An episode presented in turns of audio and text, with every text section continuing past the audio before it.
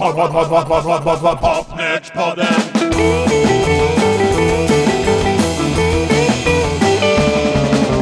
Pod, pod, pod, pod, pod, pod, pod, pod, Popnördspodden.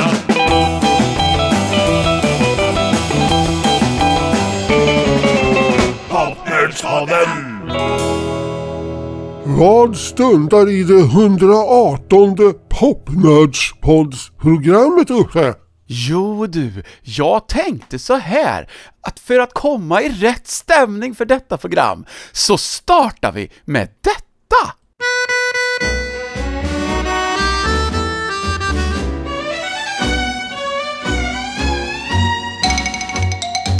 Vein kerran tyttöseni tanssimaan.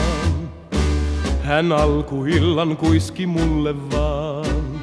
Hetken olin pois, hain meille juotavaa. Kun palasin, hän niiti pitkin lattiaa.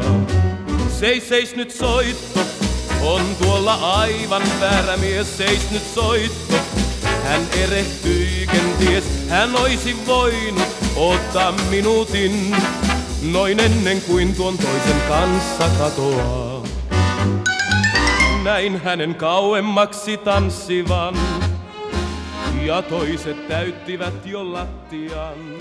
Ja du, är det finska eller vad är det för språk Uffe? Du börjar i den änden Åke! Det här var ju den finske tangolegenden Eino Grön. Kanske hade någon trott att Popnörspodden kanske skulle spela Ebba Grön, men vi kör Eino Grön. Ja men vi har ju redan varit i Finland. Men hörde du inte vilken låt det var, Åke? Nej, jag får erkänna att jag hörde inte vilken låt det var. Det var ju Soito Seis, hans stora hit från 1964. Om vi då tar och spelar det engelska originalet från 1963 med Dick Jordan, då kanske du förstår vart vi ska. I took my baby to a dance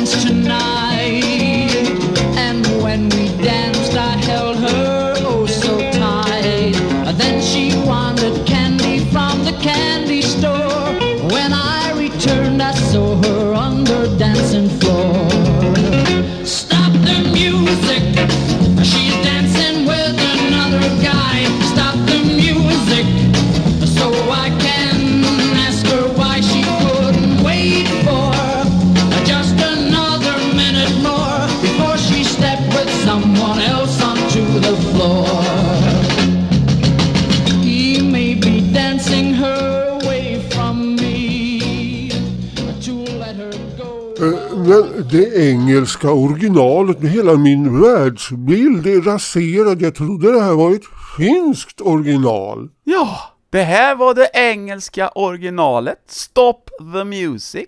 Idag är det alltså Lee Kings vi ska prata om, men vår vän Eino Grön spelar alltså in den ett år innan Lee Kings gjorde det. Nej, det här stämmer inte. Det här ska ju vara en finsk låt. Men du, Dick Jordan, han hade två låtar under Top 20 som var liksom surra, han kom aldrig in på engelska Top 20, men den här gick inte ens överhuvudtaget in på listan. Men jag har hört att det var en hit i Turkiet! Men på turkiska eller? Nej, med Dick Jordan! Jaha, Dick Jordan gjorde karriär i Turkiet. Tydligen, åtminstone lite grann. Men det var ju inte så att Lee Kings var först i Sverige ens med att spela in Stop the Music. Jaha, nu, nu blir det riktigt illa här. Jaha, vilka kan det ha varit? Det är någon som du har lirat med, Åke. Okej, give it to me. Du ringer ner i Fastän jag alltid säger nej till dig. Men ditt besvär det har du inget för.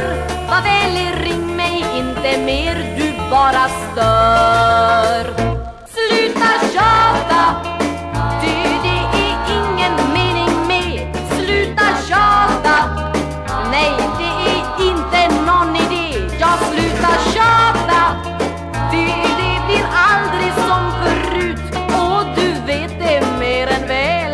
det är slut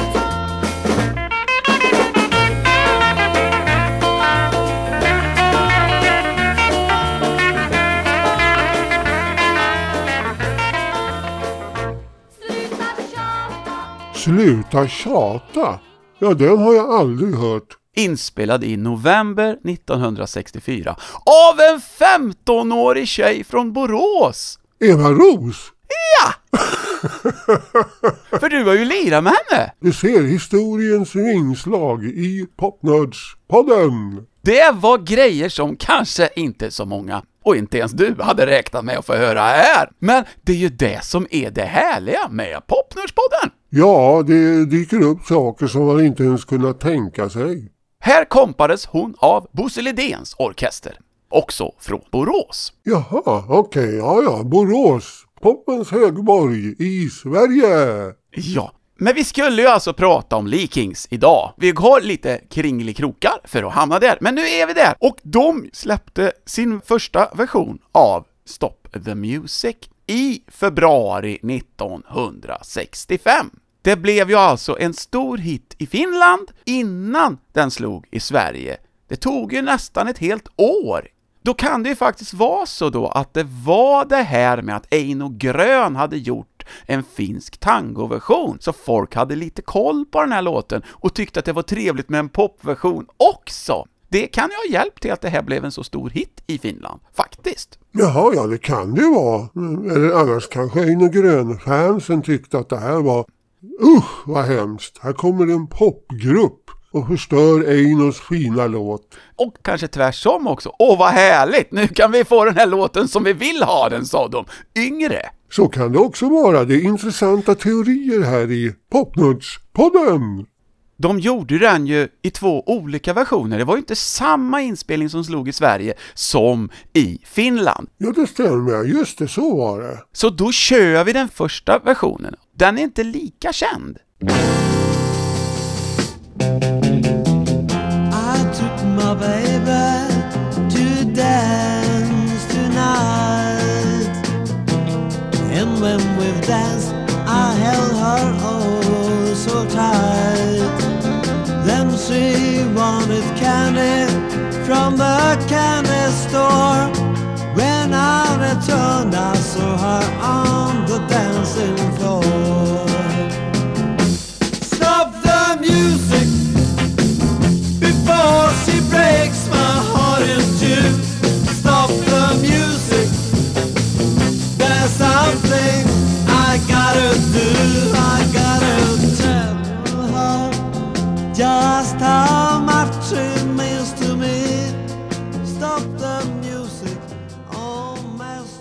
Ja, den är väl lite snällare den här. Ja, och lite mer primitiv. Detta var alltså då Lenne and the Lee Kings. Lenne Broberg, vi hade ju med han i förra programmet. Han hade ju startat The Falcons och sen gått över till Adventures, där han hamnade i Finland jättemycket, men fick åka därifrån 1963 någon gång i augusti eller vad det var, för att göra lumpen i Sverige.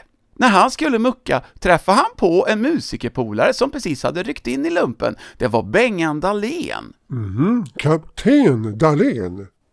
Han hade redan hunnit med och spelat i flera olika band, till och med dansmusik med Tommy Halldén som vi hade med i avsnitt 111 i gruppen Blue Knights. Jaha, ser man på. Och då var det så här att Lenne Broberg hade en Finlandsturné på gång så fort han hade muckat. Då rafsa han och Bengan Dahlén som lyckades få uppskov från lumpen, trots att han redan ryckt in för att göra den här Finlandsturnén. De var tydligen lite snällare på den tiden. Ja, men så var det. Jo, det stämmer. Så då tog de lite killar som hade varit med och spelat med Dahlén i Pop Twins kompgrupp. Då åkte Bengan Dahlén, Lenne Broberg, Bjarne Muller, Bosse Rosendahl och Janne Ersson till Finland. Det är inte sådär jätteväl dokumenterat exakt vilka som for iväg, men det är det som jag tror just nu i alla fall var de som åkte. De hade gjort sitt första gig som jag känner till i alla fall den 29 september 1964 på Nalen. Lee Kings med Lenne hette de då. Det var ett som ett uppvärmningsgig för Finlandsturnén och sen när de kom hem, då var Bengan och Björne Muller kvar, men då bytte de basist och trummis och in kom Olle Nordström, som ju hade spelat med Lenne i Finland med Adventurers det som blev Wild Ones sen, och dessutom så var det Thomas Strandberg som kom från Noisemen. Och det var de här som spelade in då den första versionen. Och där var Stop the Music faktiskt B-sida till en låt som heter Always and Ever. Den känner jag igen. Den har ju vi spelat. Ja, det har vi. Men vi tar den här komplicerade Stop the Music-historien först, för den är ju lite rörig. Så då gjorde de alltså den första inspelningen, som blev hit i Finland, men redan i maj 1965 så slutade Thomas Strandberg, som blev eh, ljudtekniker i Dikestudion. Och han ersattes av Lasse Sandgren, som också hade spelat med både Pop Twins och eh, Wild Ones, så det är lite folk som de kände och sådär. Det är samma gubbar i alla band. Ja! De tyckte att det nog skulle vara bra att spela in den här en gång till och försöka få den att bli en hit i Sverige. Så då gjorde de en version med Lasse Sandgren istället. Så här låter ju den då, som vi känner igen. I took my baby to dance tonight. And when we danced, I held her oh so tight. Then she wanted candy from the candy store. When I returned, I saw her on the dancing floor.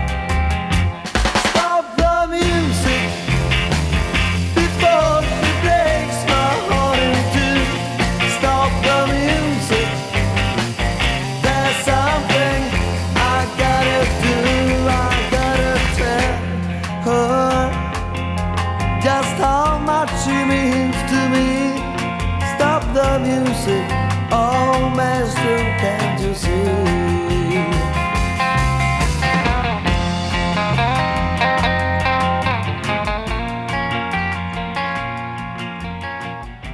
Ja, men här har ju Lasse adderat det livsviktiga lilla trumfilet, tjackarackarang. Ja, det ser! Och sen li- är det lite bossastuk i kompeten i verserna. Sen en sak som är lite svårt för oss då som försöker och pussla ihop de här historierna, det är ju det att den nya versionen och den gamla av Stop the Music, det är ju samma skivnummer som de är utgivna på, så det är lite svårt där att hitta exakt när den nya versionen kom ut. Jag tror att det var på sommaren, och förmodligen hade Leakings hunnit fått ut sin andra singel, Que Sera Sera, innan, för om man tittar på omslaget så har de lite kortare hår där. Mycket avgörande på denna tid. För framgång och lycka. Ja, det var ju det. Men det dröjde ändå ett bra tag ändå, och de hann släppa en singel till innan till slut Stop the Music testades för 10 topp, och de lyckades ta sig in på 10 topp på nyårsdagen 1966. Jaha, en evighet på den tiden. Dessutom så gick den ju inte sådär vrålbra på 30-test, den blev bara nia. Men på den tiden så var det 10 låtar som fick chansen och sen gallrades fem bort i den där förtesten precis innan programmet startade.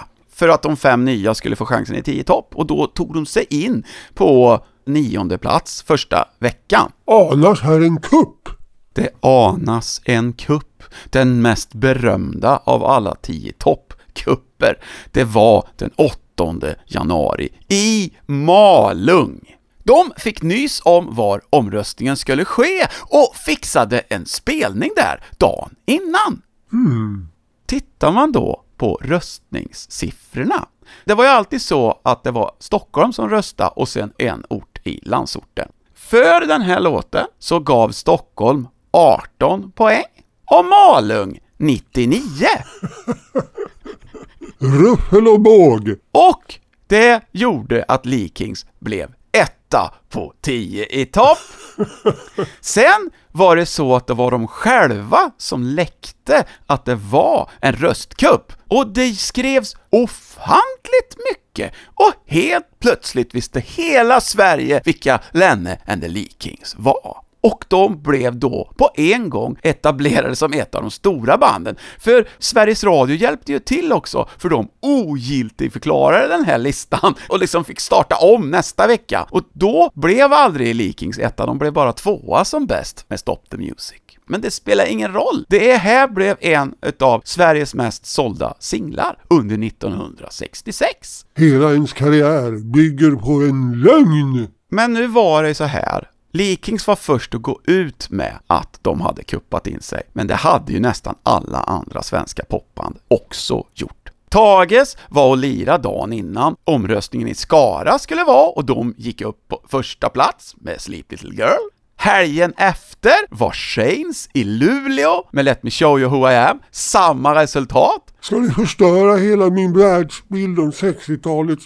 popvärld? Sleepstones, när äh, deras första eh, skiva gick upp, de hade kuppat in sig, och även våra vänner i Hepstars ordnade ett spelning i Uppsala, så de kom in på 10 topp. Men finns det inte någon som kom upp på 10 topp som inte gjorde så här? Alltså det var ju lite så att första låten så var det rätt många som kuppade in sig. Vad det ledde till det var ju att det blev hemligt var någonstans de här juryorterna skulle vara, efter att Lee Kings hade gjort det här lite mer känt. Men den här låten spreds ju faktiskt i utlandet också. Förutom i Finland gavs den även ut i Tyskland, Holland, Australien och Japan. Och till och med ett japanskt band som heter The Tempters gjorde en cover, men den är ganska lik originalet. Så jag ska spela en annan cover utav Stop the Music från Holland, för här finns det en märklig historia. Kanske inte låten i sig är, är någonting. De eh, gör ju i alla fall ett lite roligt arr. Det märkliga kanske är att de spelar in båda sidorna på Leakings singel. De hade gjort en singel i Holland under namnet The Cheeks, men så bytte de namn inför den här skivan och tog det typiskt holländska namnet Midnatt 4. Stop the music she breaks my heart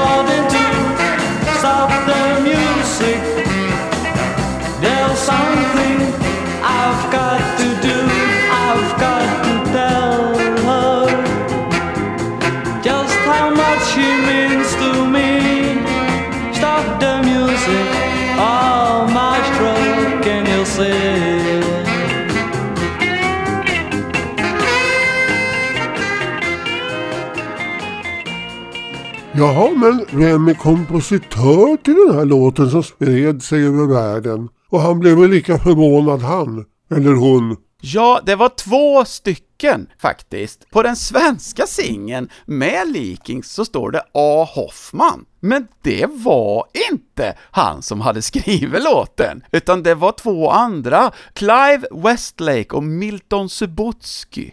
Har de gjort något annat som man kan tänkas känna till?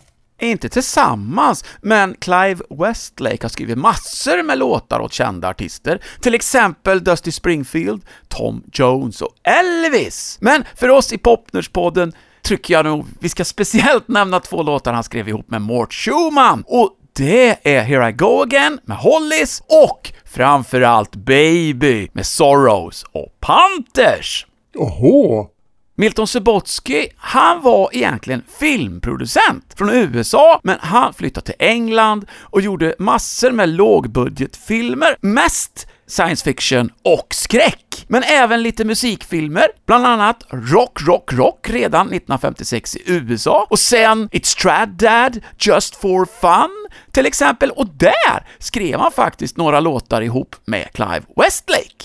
aha. Men det här bandet då, Midnatt 4, varför tar de sig detta namn? Ja, det är ju lite märkligt, men det berodde på att trummisen Gerhard Riemslach hade en svensk flickvän. Jaha, ja, det är ju såklart. Ja, och så småningom så följde han med henne hem till Sverige, och jag tror han bor i Karlstad nu. De övriga i Midnattfyran, det vet ju alla, att det var Ron Meyers, Kees Purmer och Hans van der Heufel. Ja, det vet ju alla, det behöver du inte ens tala om. Men du, De gjorde en singel till som Midnatt-fyran, och den är ju så himla knäpp så jag måste spela den.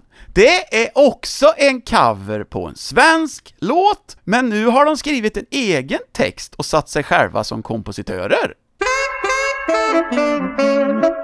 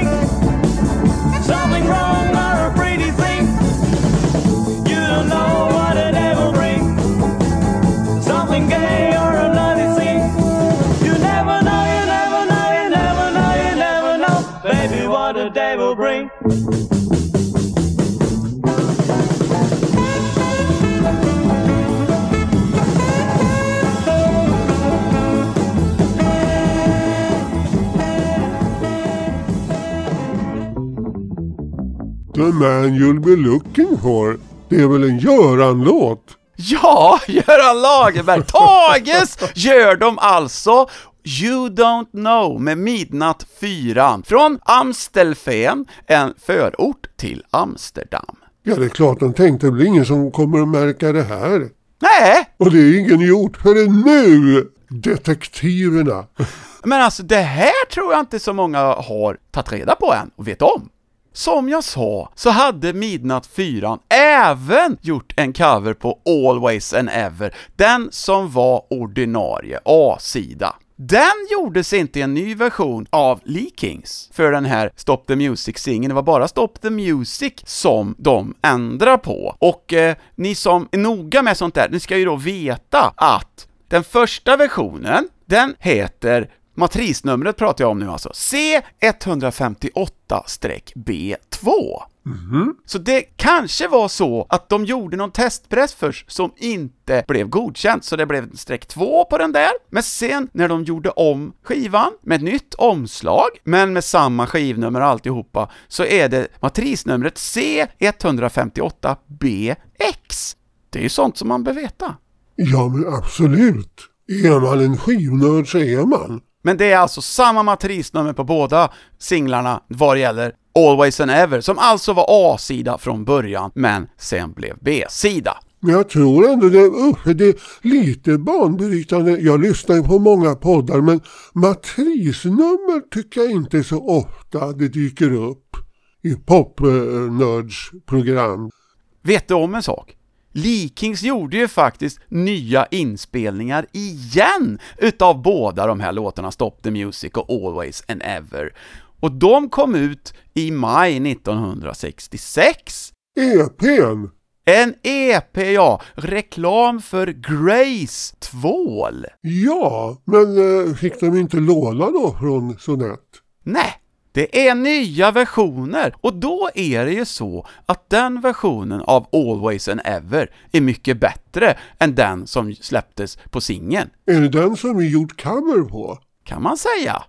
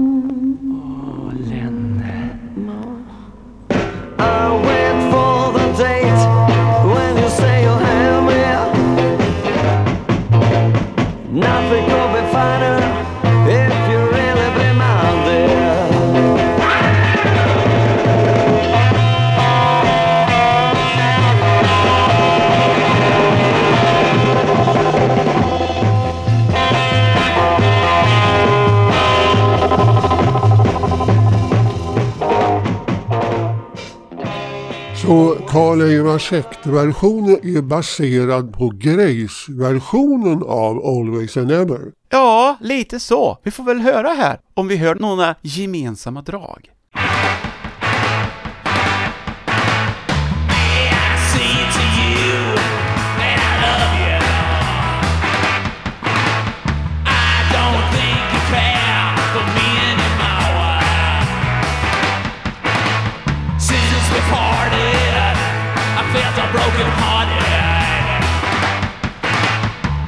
Tell me, baby, don't say no, say maybe.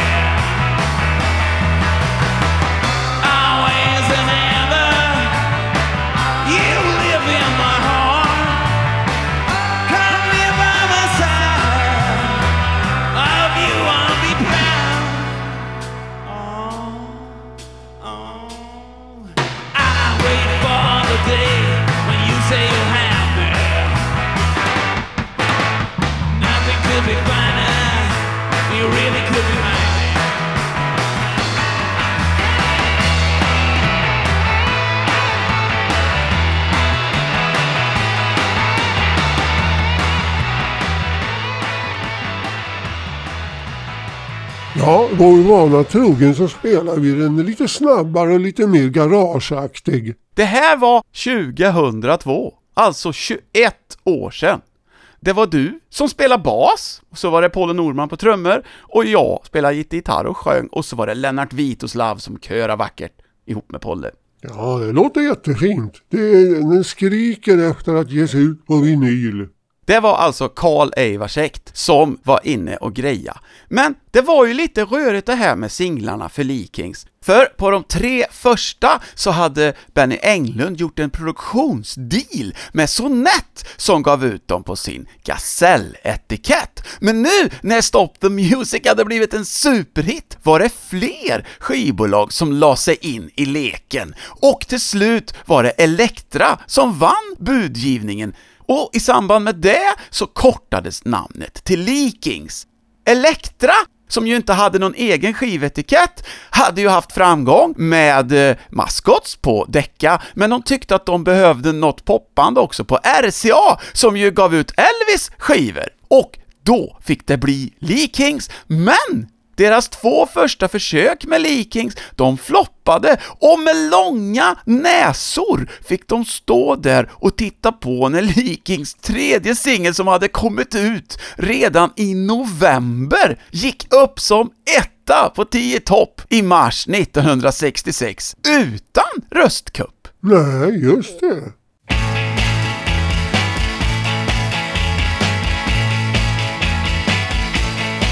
I get LOD,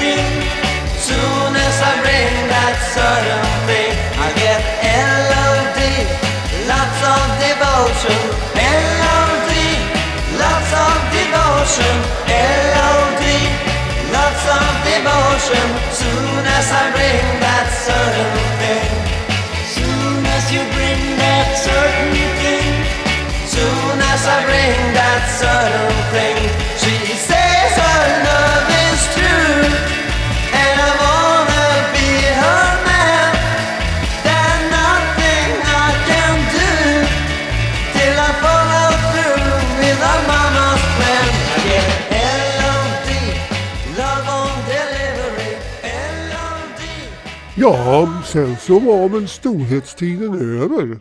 Ja, de fick nog in lite mer hits. Två låtar till på 10 topp som vi kommer till alldeles strax. Men inte lika stora. Nej, men det var ju det då fortsatte ju Sonett att ge ut plattor med Leakings. Men de hade ju inte så många låtar att ge ut, så att det kom en EP med både Stop the Music och LOD. Sedan var det dags för singeln Like a Rolling Stone, som hade varit med på en sån här Jukebox-EP redan i augusti 65.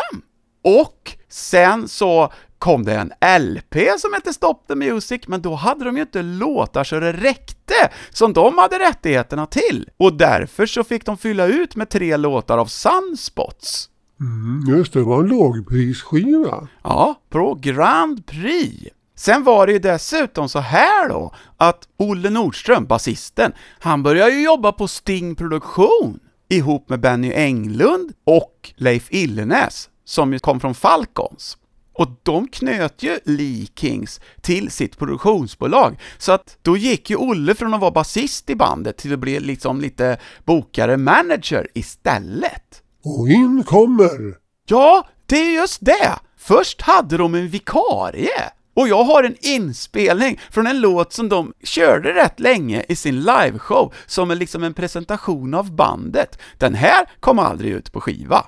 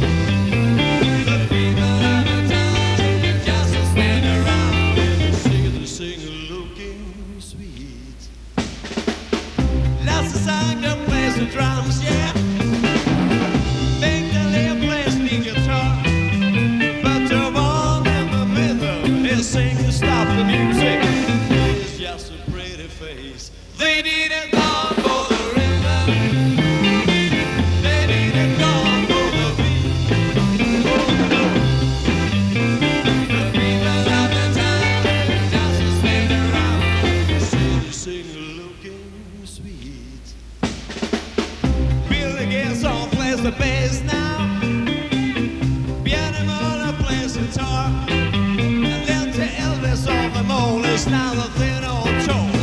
But his soul wants to be a star. They didn't come for the rhythm. They didn't come Alla sångares favoritlåt. The One in the Middle.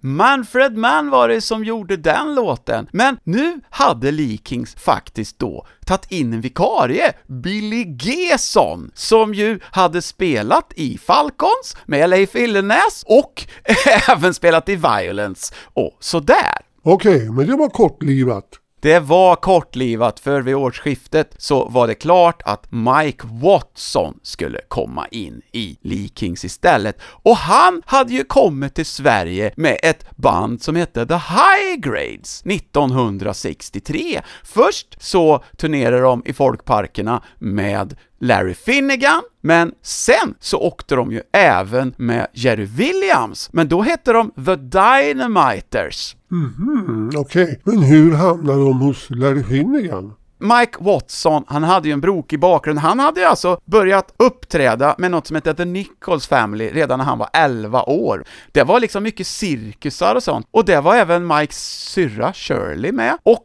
morsa och styvfar. Men sen så försvann Mikes morsa med gitarristen i bandet, och då valde Mike och hans syrra att fortsätta att spela med styvfadern istället för att gå dit morsan gick. De var lite sura för att den där gitarristen var tydligen 20 år yngre än henne. Jaha. De åkte runt i hela Europa och spela och sen så fick de vara kompgrupp även åt Gene Vincent på E-stadion och åt Bobby Angelo på en singel och i oktober 64 fick de även göra en egen singel på Sonett. Och den kanske inte så många har hört, den gick ju inte superbra, och den drunknar ju i de svenska bandens versioner av samma låt, som då ändå var några månader efter High Grades.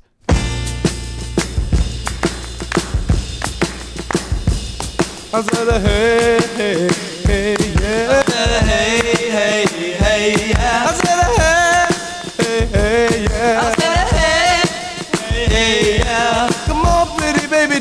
With me. Down the Mississippi, down to New Orleans. Yeah, they got a honeysuckle blooming on life tonight.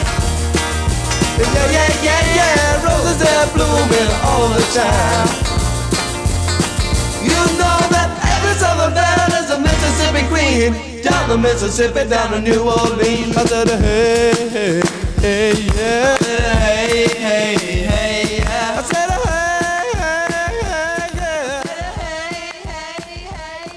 Man kan ju också säga att det låg inte riktigt rätt i tiden. Vare sig looken eller soundet. Om du tänker på Name Losers som låg helt rätt i tiden. De här hade ju då kommit från underhållningsvärlden och blev ett rockband efterhand. De rockar ju på rätt bra också, men de kom ju liksom från en äldre tradition än de unga popbanden som eh, Name Losers till exempel.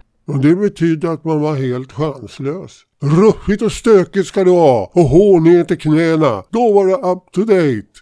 Men det här Highgrades, han som sjöng mer än Mike, han heter Glyn Desmere, och så var det John Cully på gitarr, och Tony Walter på trummor. Jajamän. Men Tony Walter var inte med när de kom till Sverige 63. Då var det originaltrummisen Phil Wayneman, och han blev ju en känd producent sen. Ja, så blev han det. Ja, vad sägs om Sweet, Bay City Rollers och Boomtown Rats? Man kan säga att han lyckades. Och eh, när han kom tillbaka från den här turnén med Larry Finnegan, då gick han med i Paramounts. Det var ju Gary Brooker och Robin Trowers band, det som senare blev Procol Harum. Ja, Vi kan ju också nämna då att när Mike Watson och Tony Walter blev kvar i Sverige så åkte John Cully och Glyn Desmere hem till England och gjorde en singel till som The High Grades, men nu stavar de High med HY istället för HI som de gjorde i Sverige. Och sen hamnade John Cully med Gino Washington and the Ram Jam Band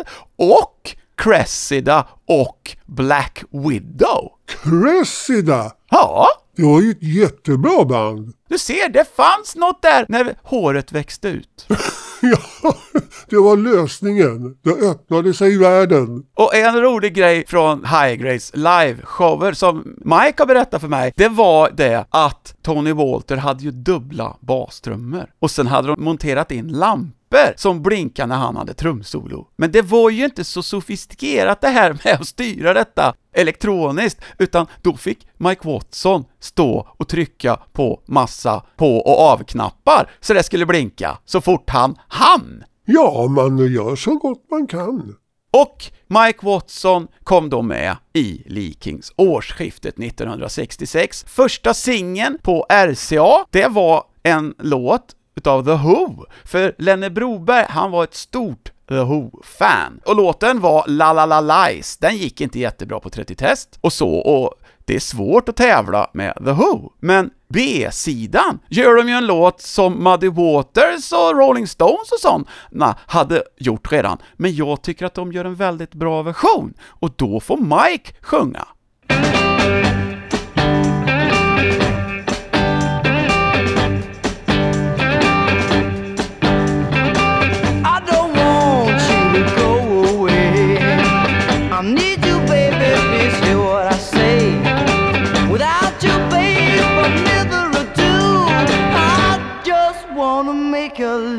To you. And now I feel when I see you like I'm, I'm gonna die. I shake all over and ain't no lie. No, by the way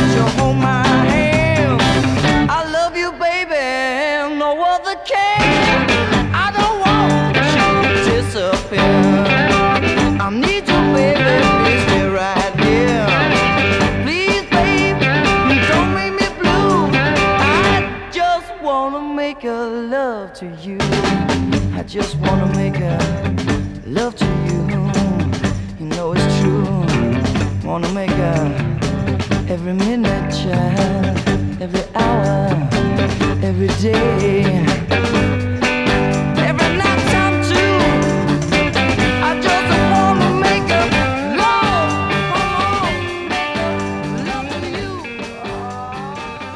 Ja, det är klart att då blir det ju riktig engelska. Ja, det var ju det. Då fick de ju lite edge på de andra bandet. Men Lenne Broberg var ju fortfarande ledare för bandet, så han fick ju fortsätta att sjunga, men han lärde sig ju också hur det skulle uttalas då ju. Ja, han fick lite, hjälp där. Mhm. Men sen så försökte de alltså då få en uppföljare då på RCA med en cover utav Unit 4 plus 2.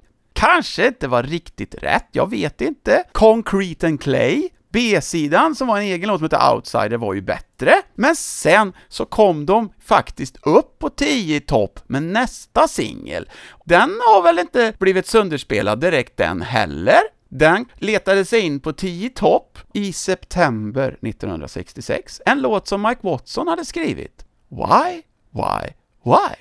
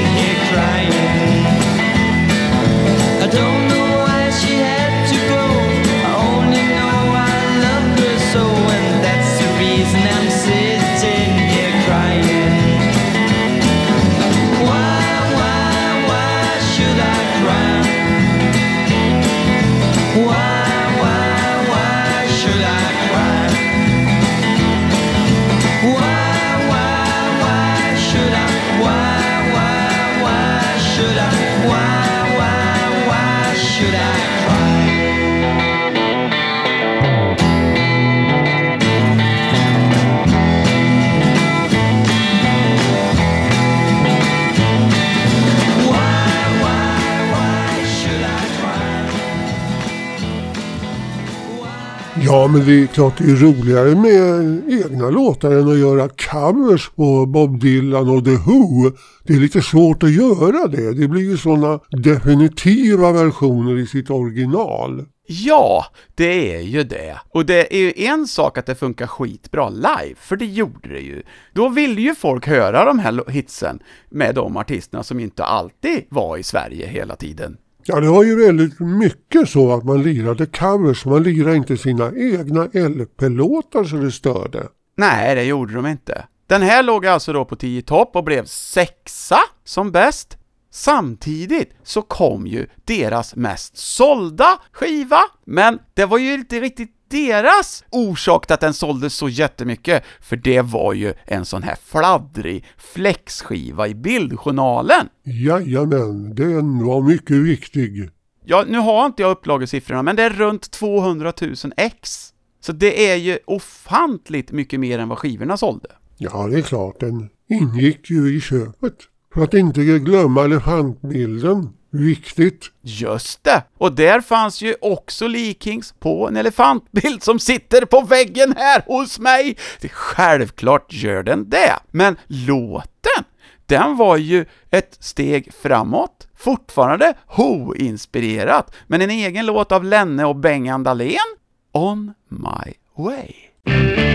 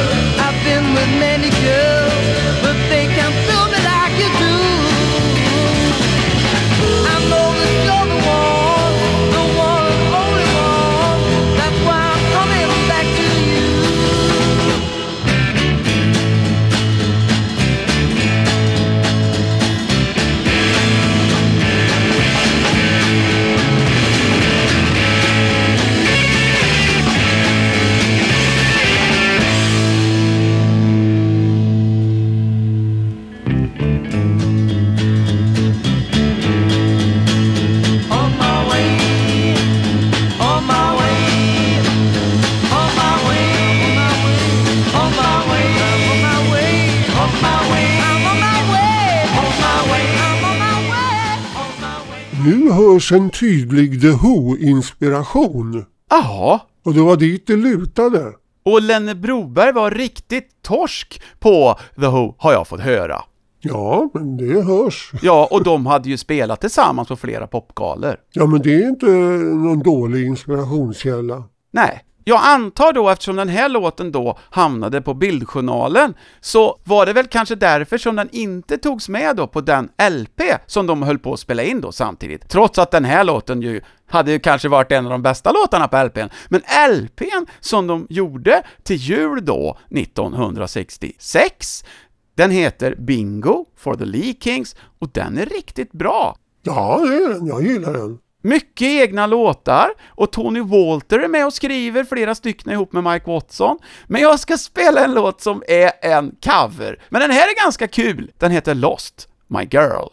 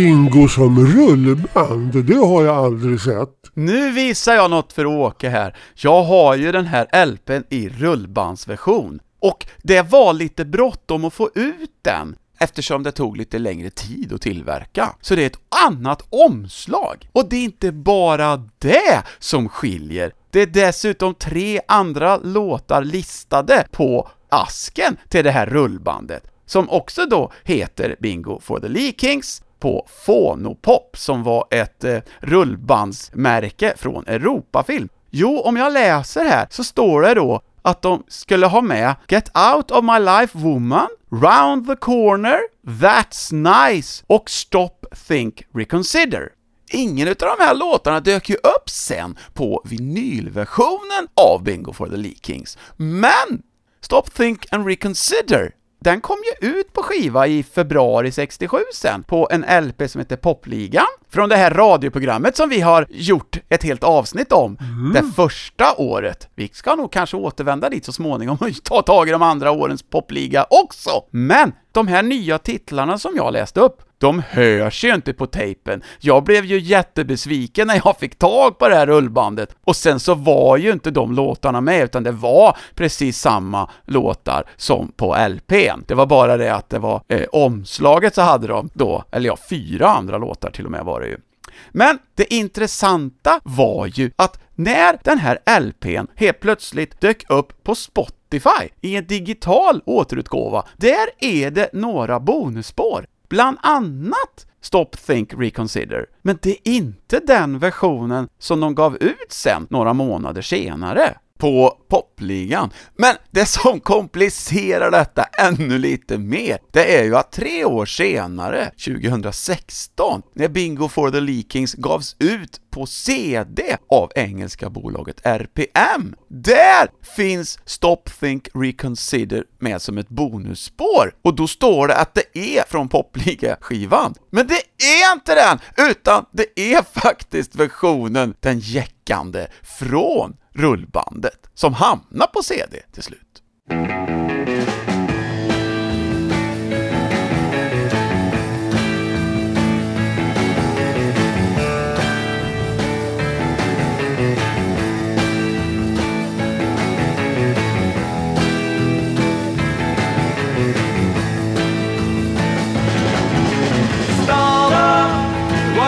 What to do.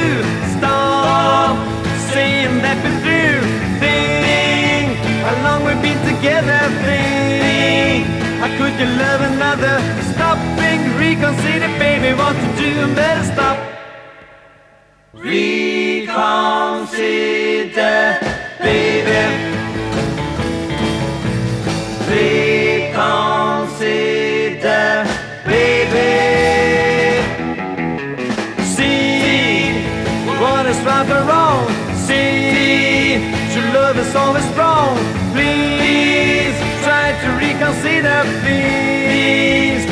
Love I with the stop things, reconsider, baby. What to do, better stop.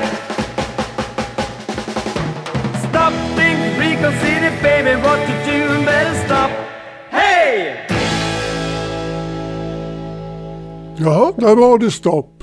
Ja, där var det stopp!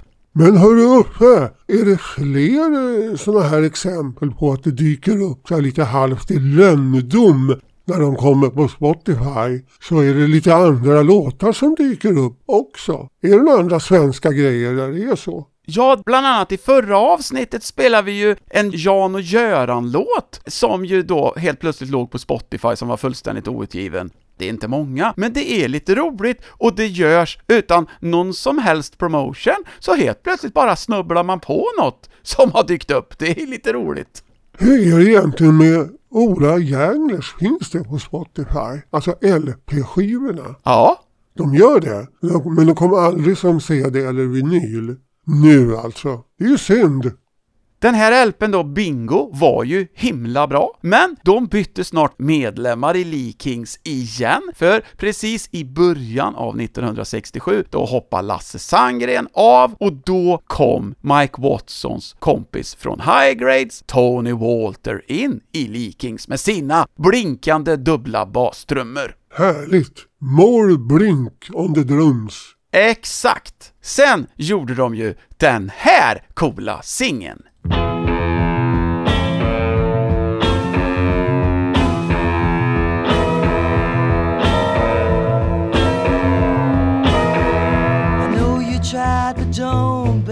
just criticize my ways, babe. I've got time to choose.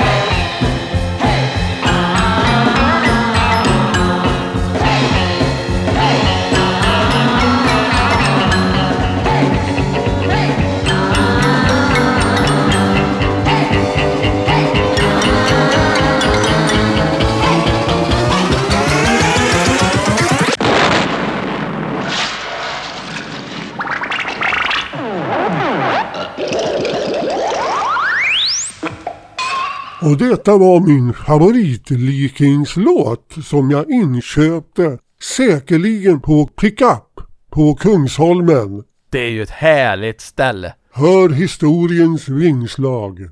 Den här var väl inte superkommersiell den här låten, även om de faktiskt sa det i intervjuer att det här är vår mest kommersiella skiva hittills. Det roliga är ju, de fick aldrig någon högre placering på 30 test än den här. Ja, du ser, den är inte så tokig. Är en suverän låt tycker vi här på Popnördspods redaktionen. Trea på 30 i test var den. Alltså, Stop the Music och LOD, de var nia på 30 i test båda två, men blev ändå ette på 10 topp. YYY som blev sexa, den var femma på 30 i test. Övriga 30 testplaceringar så här långt, det var 25 för Always and Ever, 13 för Que Sera Sera, 25 för La La La Lies, 16 för Concrete and Clay, 12 för Like a Rolling Stone och 10 för Gonna Keep Searching. Ja, men man märker de där coverlåtarna, de var inte så populära. Nej, de var ju inte lika balla som deras original och det är ju trevligt att det är så. Men vad hände då då? Jo, i april så var det dags för Nalen att stänga. Klassiska bilden. Ja, Tony Walter går ut med sina trummor och sen är det bara öde. Lenne Broberg har tagit med sin yxa och så börjar de hugga sönder scenen och så kasta ut plankor till publiken som minne. Och nu är Nalen tillbaka igen. Men det var dags för medlemsbyten igen. Och den här gången så var det båda gitarristerna Bengan Dahlén och Björn Möller som fick foten, för nu skulle de ha samma uppställning som The Who, tyckte Lenne Broberg. Därför tog de in Popnördspoddens husbandsgitarrist Johnny Lundin istället. Ja, det är en lysande karriär han har haft. Ja, han har ju det, och han hade ju varit i Finland med Adventurers, även om Lenne Broberg inte fick vara med på någon av de tre singlarna som de släppte i Finland när han var med i bandet, för alla tre var ju instrumentala. Ja, det var tidens melodi. Men när Johnny Lundin kom med i Leakings så släppte de en singel som ju faktiskt var ännu mer tjusig än vad som var tanken, för de skulle ju bli The Who nu och bröta till det. Men singeln, som ju också blev trea på 30-test och tog sig in på femte plats på 10 topp, den var ju lite mjäkig.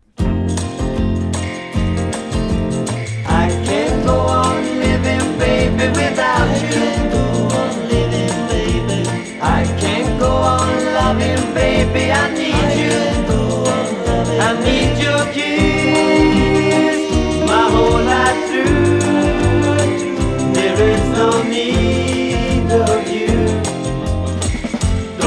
nobody else's lips lit. Touching mine.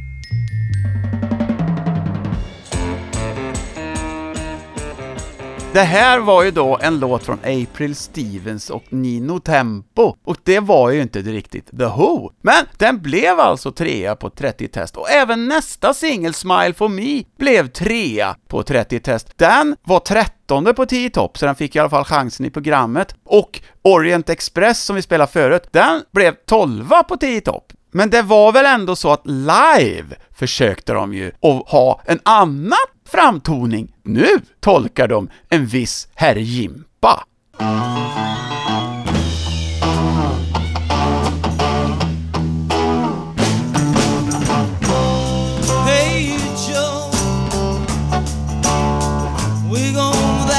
In your hand.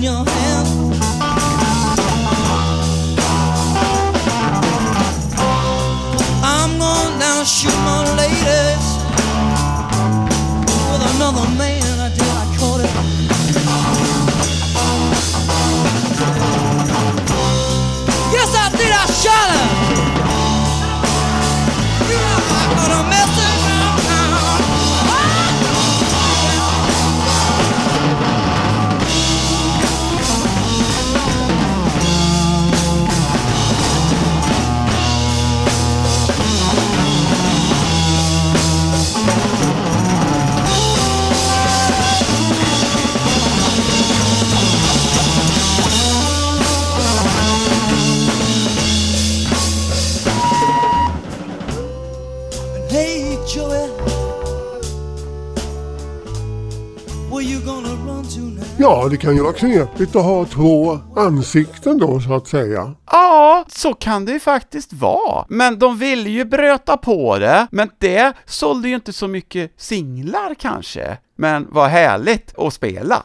Nej, då måste man ju vara ett sånt band fullt ut som Cream och Hendrix var. Nästa skiva, det var den sista de gjorde med Tony Walter, och nu var det rätt konstigt igen. De fick en beställning ifrån Svenska Slakteriförbundet! Ja, vad gör man inte för ett gig?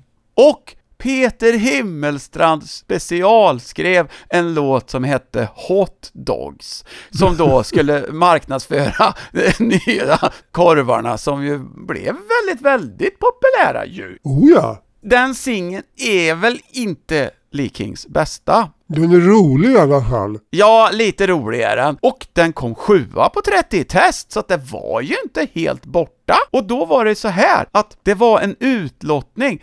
500 stycken personer fick varsin skiva av den här Hot Dogs på en utlottning. Samtidigt så stod det i Billboard i USA om att Swedish Butchers Union, som det stod där, hade beställt 30 000 exemplar av Hot Dogs. Ja, okej. Frågan är om det var så många, det tror inte jag, men den är ju ganska vanlig. Men de gjorde den också som en singel med en B-sida på, för att den här som var gratis, den var ju enkelsidig, det var en tom baksida på den. Men den är ju ganska ovanlig, därför att de flesta hade ju redan fått den här gratis. Så vad då då? Ska vi behöva köpa den en gång till? Nej, det var nog inget smart drag, nej. Det var nog enbart för att de skulle testa den för 10 topp, tror jag.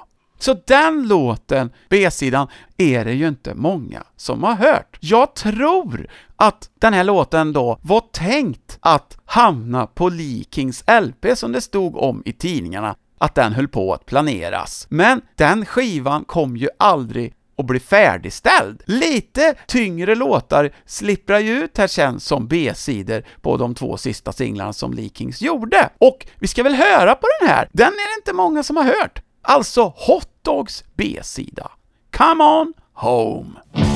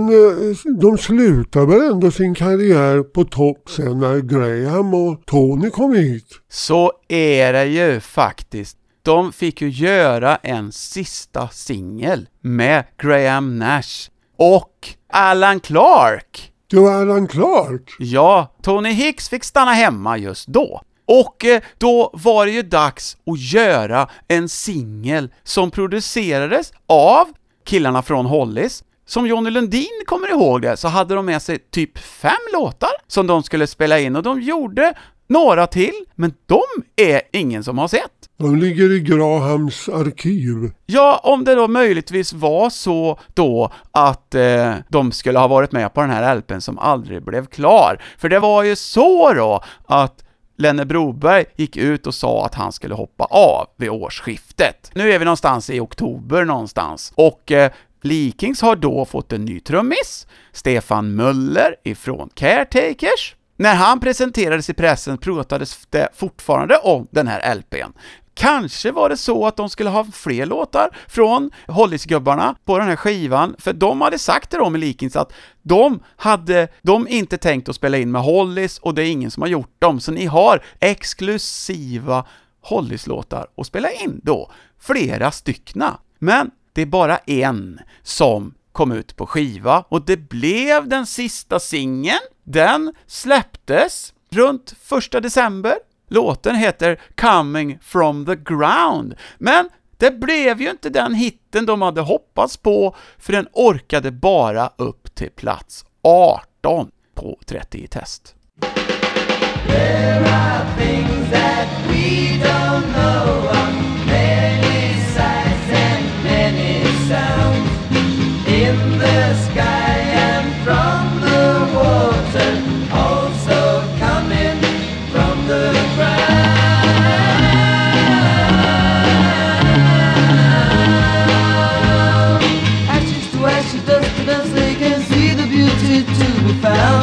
The chance has slipped away to see that it comes from the ground. I see colors in the morning,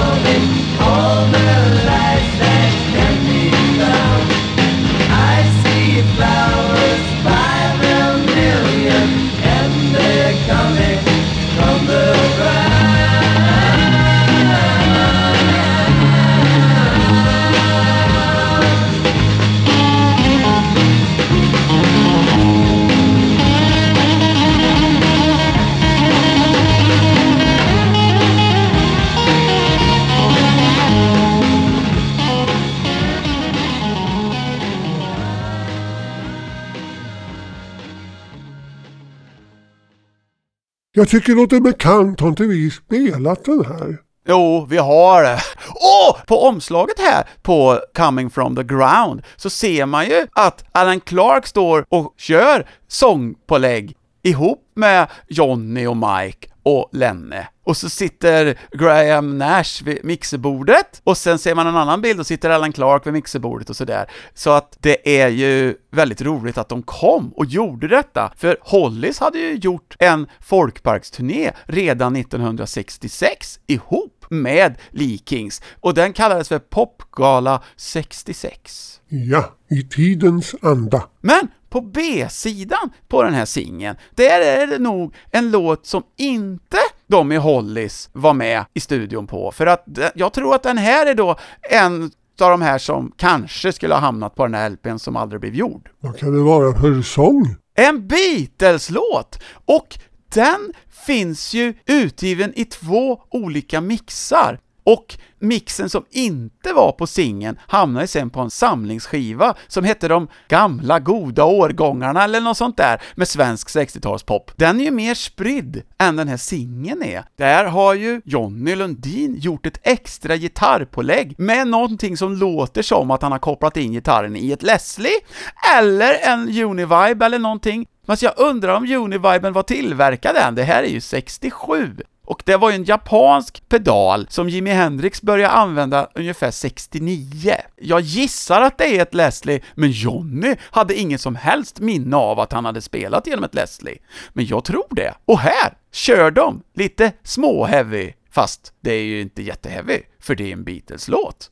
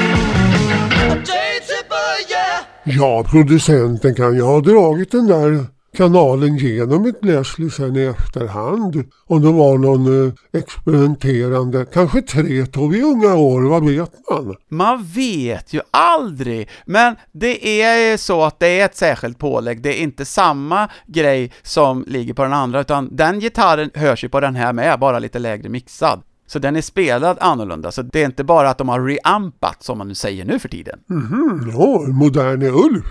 Ja, men så är det så här. Den här Bingo-LPn på Spotify, den digitala utgåvan med bonustracks, där är det ju en låt till som är inspelad genom samma Leslie-effekt, som då också jag gissar var ett tanke för den här LPn som aldrig blev. Det är en eh, amerikansk soul-låt som de försöker sig på. Look at Granny, run run!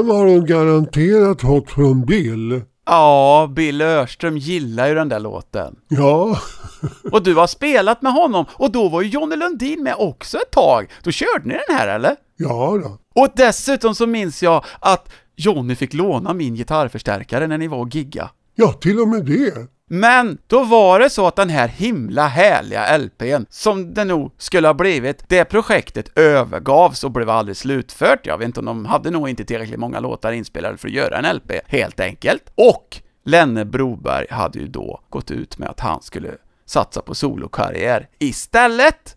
I mars 1968 så hamnar han på Svensktoppen då med Mälare kyrka. Det är ju en superhit, eller hur? Ja, men då kom ju det stora breaket.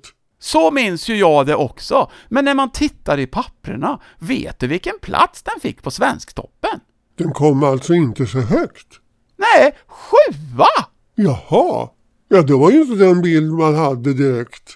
Den har ju blivit ett örhänge som lever kvar jättemycket. Ja, det är som kärlek banne mig. Ja, och eh, Lenne Broberg blev ju då Svensktoppsartist. Trummisen, Stefan Möller då, som inte hade varit med så länge i Likings, han och Jonny Lundin, de fortsatte och började kompa direkt då efter årsskiftet. Alltså de gjorde sitt sista gig Likings på nyårsafton 1967. Och sen då, efter helgerna bara, då började Jonny och Stefan att spela med Tom och Mick. Mm. Men de är bara med på en singel med Tom och Mick. Det var B-sidan Coco Joe. För att det mesta utav eh, Tom och Mix, det gjordes av studiomusiker. Princip Dynamite Brass-folket under Lasse Samuelsson. Ja, och det var redan inspelat och klart. Ja, så var det ju. Och sen Mike Watson, han gjorde ju duoskivor med sin fru, Susie. Det ska vi återkomma till i ett annat program och det var ju faktiskt så att redan tidigt så hade ju Susie varit med ett tag i High Grace, nu snackar vi 63 eller något sånt där. Då kan hon inte ha varit gammal. Nej, då var de inte, någon utav dem, och sen gifte de sig 65 och var gifta typ till 73, så de hade väl hängt ihop mer eller mindre i 10 år. Susie och Mike. Och sen har vi då, det som jag tänkte sluta med, det var ju vad som hände med de sparkade gitarristerna. De gick ju en väg som kanske man inte riktigt hade tänkt. Ja, men det var ju tidens gång och det var andra saker som gällde och eh, där hamnade ju både Bengan och Bjarne. Ja, och båda två hamnade hos en duo där de liksom inte såg som officiella medlemmar. Men de var ute och lira. Både Bjärne och Bengan spelade med Hansson och Karlsson. Och nu i dagarna har det släppts en ny LP där Bengan Dahlén spelar fiol med Hansson och Karlsson. Så då är det lite roligt att ha med det i det här. Sen naturligtvis så startar han ju Fläsket brinner sen med en annan från Popners-poddens husband som tyvärr nyligen gick bort, alltså basisten Per Brun. Ja, så vi dedikerar detta avsnitt till honom. Ja, det tycker jag vi gör. Och nu kommer det en mix av två framförande där båda Likings-gitarristerna spelar med Hansson och Karlsson. Först ut är det från de två splitternya vinylplattorna inspelade 1968 på Crescendo i Norrköping, där Bengan Dahlén lite oväntat spelar fiol. Och sen mixar vi över till en inspelning från 67, där det verkligen är ett crescendo, där Bjärne Möller vräker på med massor med feedback i triplets, även om det inte går att höra att det var den låten.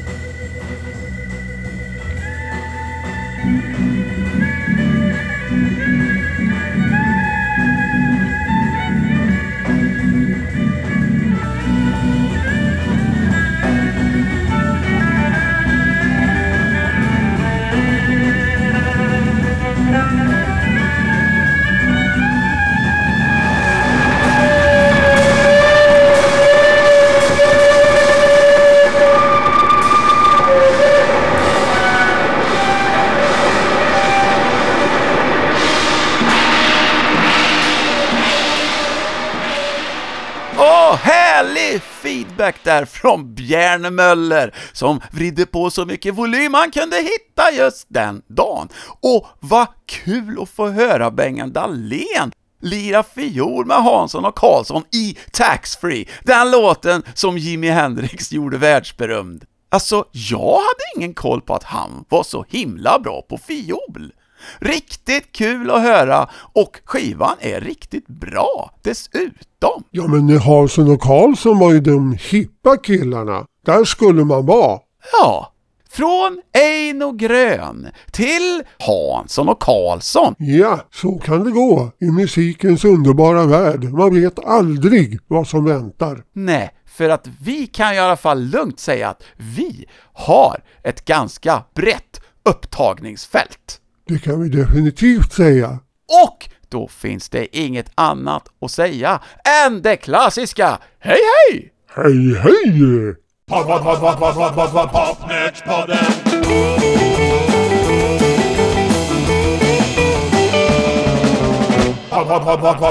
Popnerdspodden.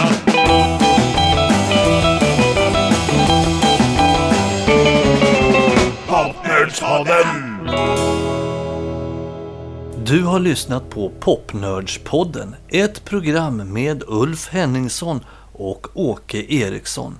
För det tekniska stod Dennis Olsson.